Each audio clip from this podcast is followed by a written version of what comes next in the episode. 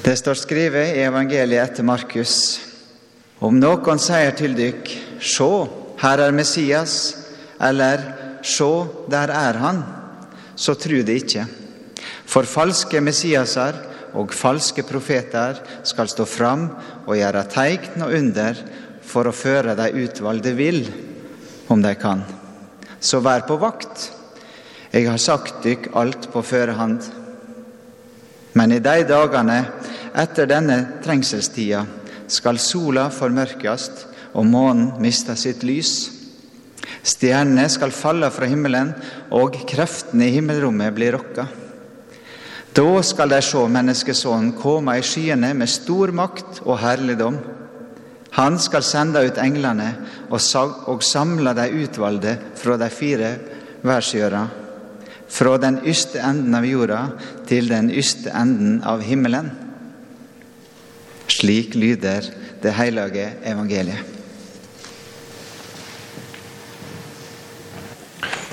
Kan gjerne ha den teksten opp foran deg hvis du vil. Um, ganske kort, kort, tekst i dag, egentlig. Jesus som advarer disiplene sine mot at etter at han er føre, så kommer det til å komme folk som utgir seg for å være han. Og Folk kommer til å si 'Å, se der, der er Jesus igjen', liksom. Uten at det er han. Og så beskriver han ting som skal skje, som er katastrofale. Sola skal formørkes, og månen skal miste sitt lys. Han siterer bøker i Det gamle testamentet og sier at det er katastrofe. egentlig. Det skal skje veldig store ting, eh, og det er veldig alvorlig. Dette er selvsagt bare et utsnitt. Det er et helt kapittel her. Der Jesus har en samtale med læresvennene sine om noe han har sagt som gjør dem litt urolige. For De er i Jerusalem, og så har de vært sett på tempelet som var på den tida. Salomo hadde opprinnelig bygd et svært tempel som var blitt revet ned. Og så var det bygd opp igjen et som de hadde. Og Tempelet for jødene er For der var det en bygning som oss ikke har noe som kan sammenligne det med. egentlig. Hvis de skulle møte Gud, så var det der de gikk. Men det var ikke bare kirka deres, på en måte, for det var symbolet på hele folket deres og sentrum av alt de var. Og så har Jesus sagt dette skal rives ned. Og Det reiser en god del spørsmål for deg. ikke sant? Men oss trodde du kom for å gi oss et tettere forhold til Gud, og nå står du her og sier at selve bygninga skal vekk. Og Det kan hende noen av dere husker at når Jesus ble dømt til døden, uskyldig, så var en av tingene de sa, var at han mannen her han har sagt at han er imot tempelet, han skal rive ned tempelet. For en fyr. Han må vekk. Og så er det tydelig egentlig at det var noe litt annet han mente, men her er det den samtalen. Hva skal skje med tempelet? Så sier Jesus at tempelet skal ødelegges. Og interessant nok så sier han at det skal skje før denne generasjonen er ferdig. Så Han snakker med de som levde på sin tid og sier at før denne generasjonen er ferdig, så skal tempelet ødelegges. Og det skjedde. I år 70 etter Kristus så var det total katastrofe i Jerusalem. Romerriket står på utsida av murene og bryter seg inn.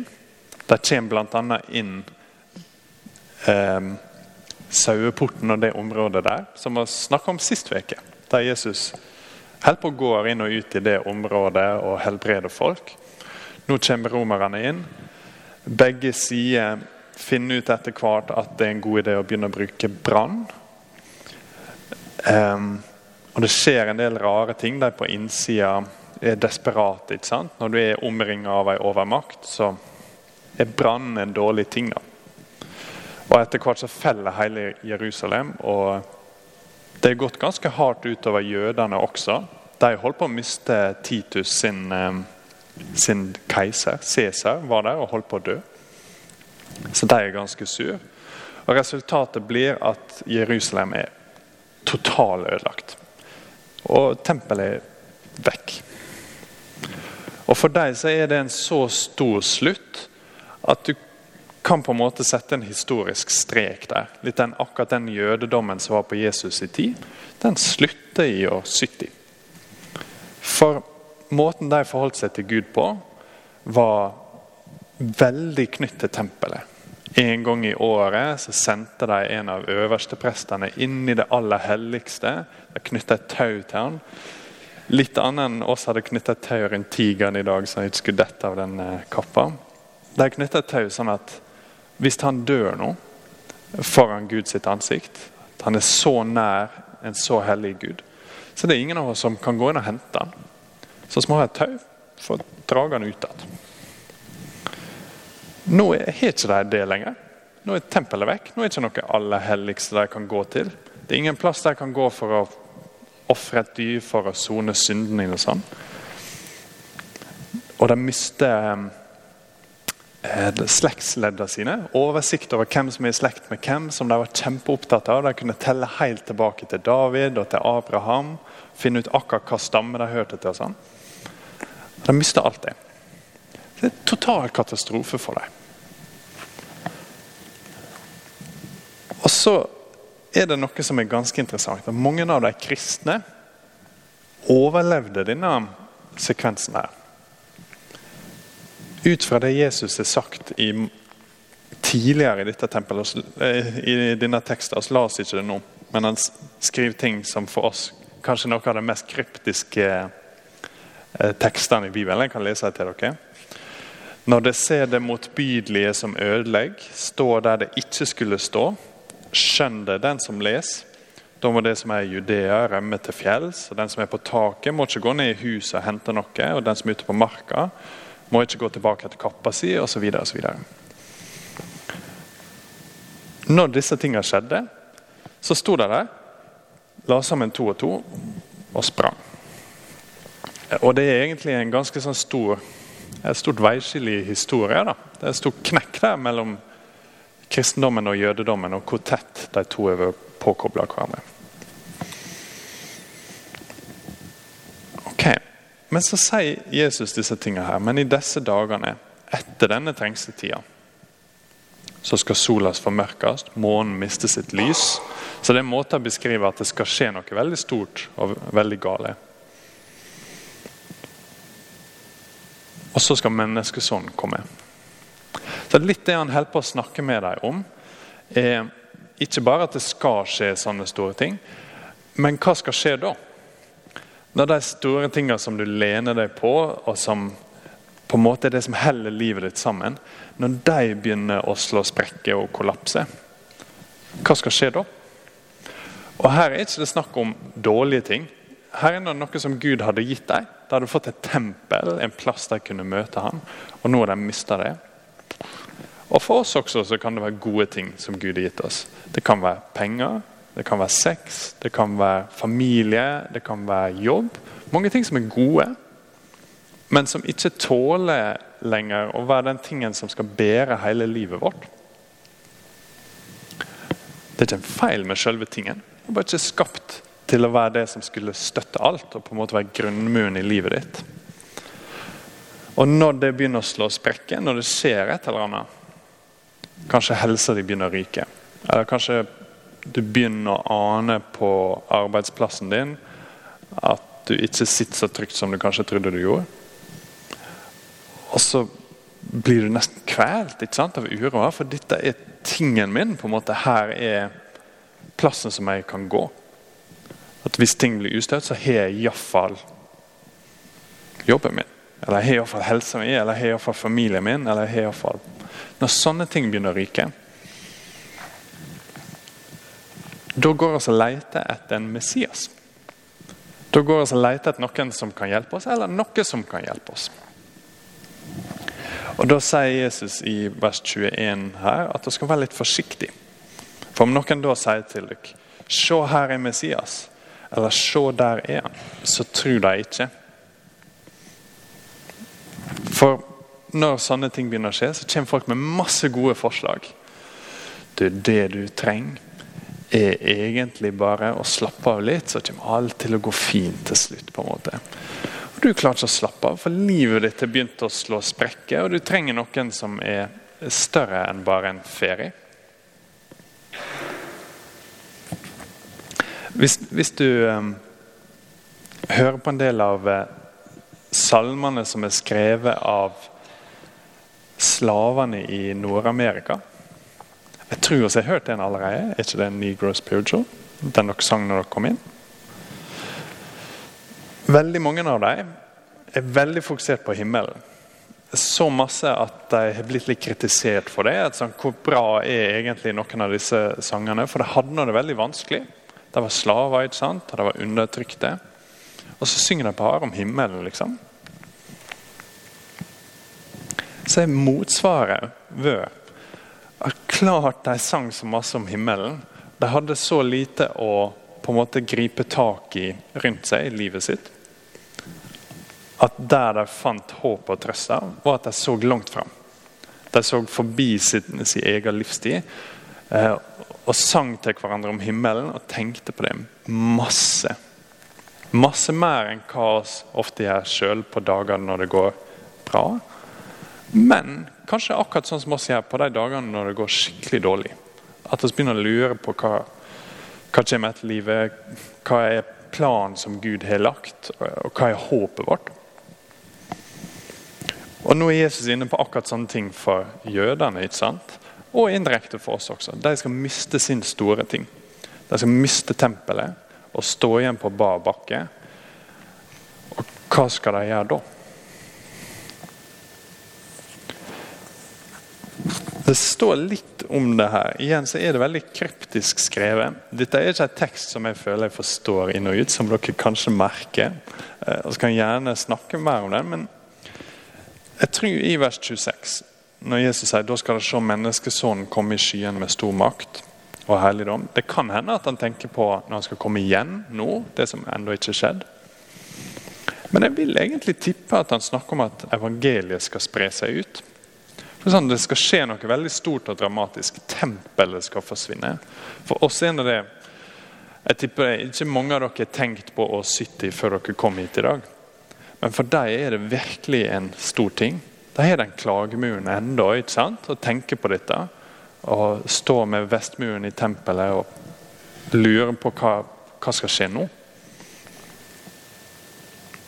Men evangeliet, på en måte fortellinga om hvem Jesus er, og har sitt budskap, det skal gå ut. Og han skal samle inn utvalgte fra nord, sør, øst og vest. Og så skal han komme igjen. Når Jesus snakker om tempelet, så sa han noe annet enn bare at det skulle rives ned. I Johannes 2 eh, så sier han riv ned dette tempelet, så skal jeg bygge det opp igjen på tre dager. Og Tempelet er en stor bygning, ikke sant? så de står rundt han og lurer på om eh, han har det helt bra psykisk, og om han er spist nok den dagen, og litt sånne ting. Men så dør Jesus og står opp igjen etter tre dager. Og så kobler disiplene at når han snakker om det, så snakker han om noe litt større enn bare at en dag så kommer denne bygninga til å dette ned. Det tempelet han snakker om, var sin egen kropp. Når Jesus døde, så ble han revet ned. Han sier det egentlig ganske tydelig sånn sjøl. Han sammenligner seg med tempelet. At her er Jesus. Her er en plass, en person, som vi kan møte Gud, som er helt annet enn tempelet. Det er ikke sånn at vi må gå dit forsiktig og så finne en eller annen proffkar som kan gå enda litt lenger inn. Og så haler han ut igjen med tau hvis det går gale, og håper at det går bedre neste år. Eh, her er en som sjøl blir revet ned for oss. Det tempelet han snakker om, var sin egen kropp. Og Han ble pga. dette, sånn som vi snakker om, beskyldt for å ikke han Jesus er ikke så stor fan av tempelet. Han, han har egentlig lyst til å rive det ned, og det er masse styr der. som ja, Kanskje han ikke vil at vi skal ha noe forhold til Gud. Egentlig så var det akkurat motsatt. At Jesus sa det tempelet som dere har fått av Gud, har utspilt sin rolle. Nå skal dere ikke lenger gå inn i en bygning for å møte Gud. Nå skal dere møte Gud i en person. Og når livet deres begynner å slå sprekker, enten at det er den store bygninga der du kan gå og på en måte finne trygghet i hvem du er som en person og som folk, og alt sånt, om sjøl den skulle rase ned, eller hva det er for deg personlig Om du skulle miste den personen som du virkelig ikke kunne miste, eller om du skulle miste den jobben, eller ja, Dere vet sjøl hva som er viktig for dere for å føle dere trygge og hele og sånne ting. Om du skulle begynne å se at det sprekker i de tingene, så kommer Jesus og sier jeg har lyst til å være ditt tempel. Jeg har lyst til å være plassen der du kan møte Gud. Jeg har lyst til at dere skal komme til meg og få noe som ikke kan rives ned. For han har allerede blitt revet ned og bygd opp igjen. Han sto opp igjen på den tredje dagen, sånn at vi kan ha håp. Og finne igjen disse tingene som ikke var store nok til å være Gud. Så det, Pengene våre, f.eks., de kan ikke bæres, men det er ikke en vond ting. Så han sier, 'Kom til meg og la meg være den store tingen som du hekter alt på.' Da kan til og med forholdet til penger bli sunt. Forholdet til din egen helse og til familien din osv. Så, så, videre. så Jesus sier om sjøl tempelet skulle rase, så har dere meg. Og hvis dere har meg, så kan dere aldri falle. La oss be. Far, oss takker deg for Jesus. Oss takker deg for at han kom, at han ble revet ned for vår skyld, sånn at han kunne bygge oss opp, og sånn at oss kan følge deg. Gi oss, eh, gi oss stor tro på han, og gi oss en avhengighet av han som eh, gjør at vi lener oss på han i alle ting. Og det ber oss om i Jesus sitt navn. Amen.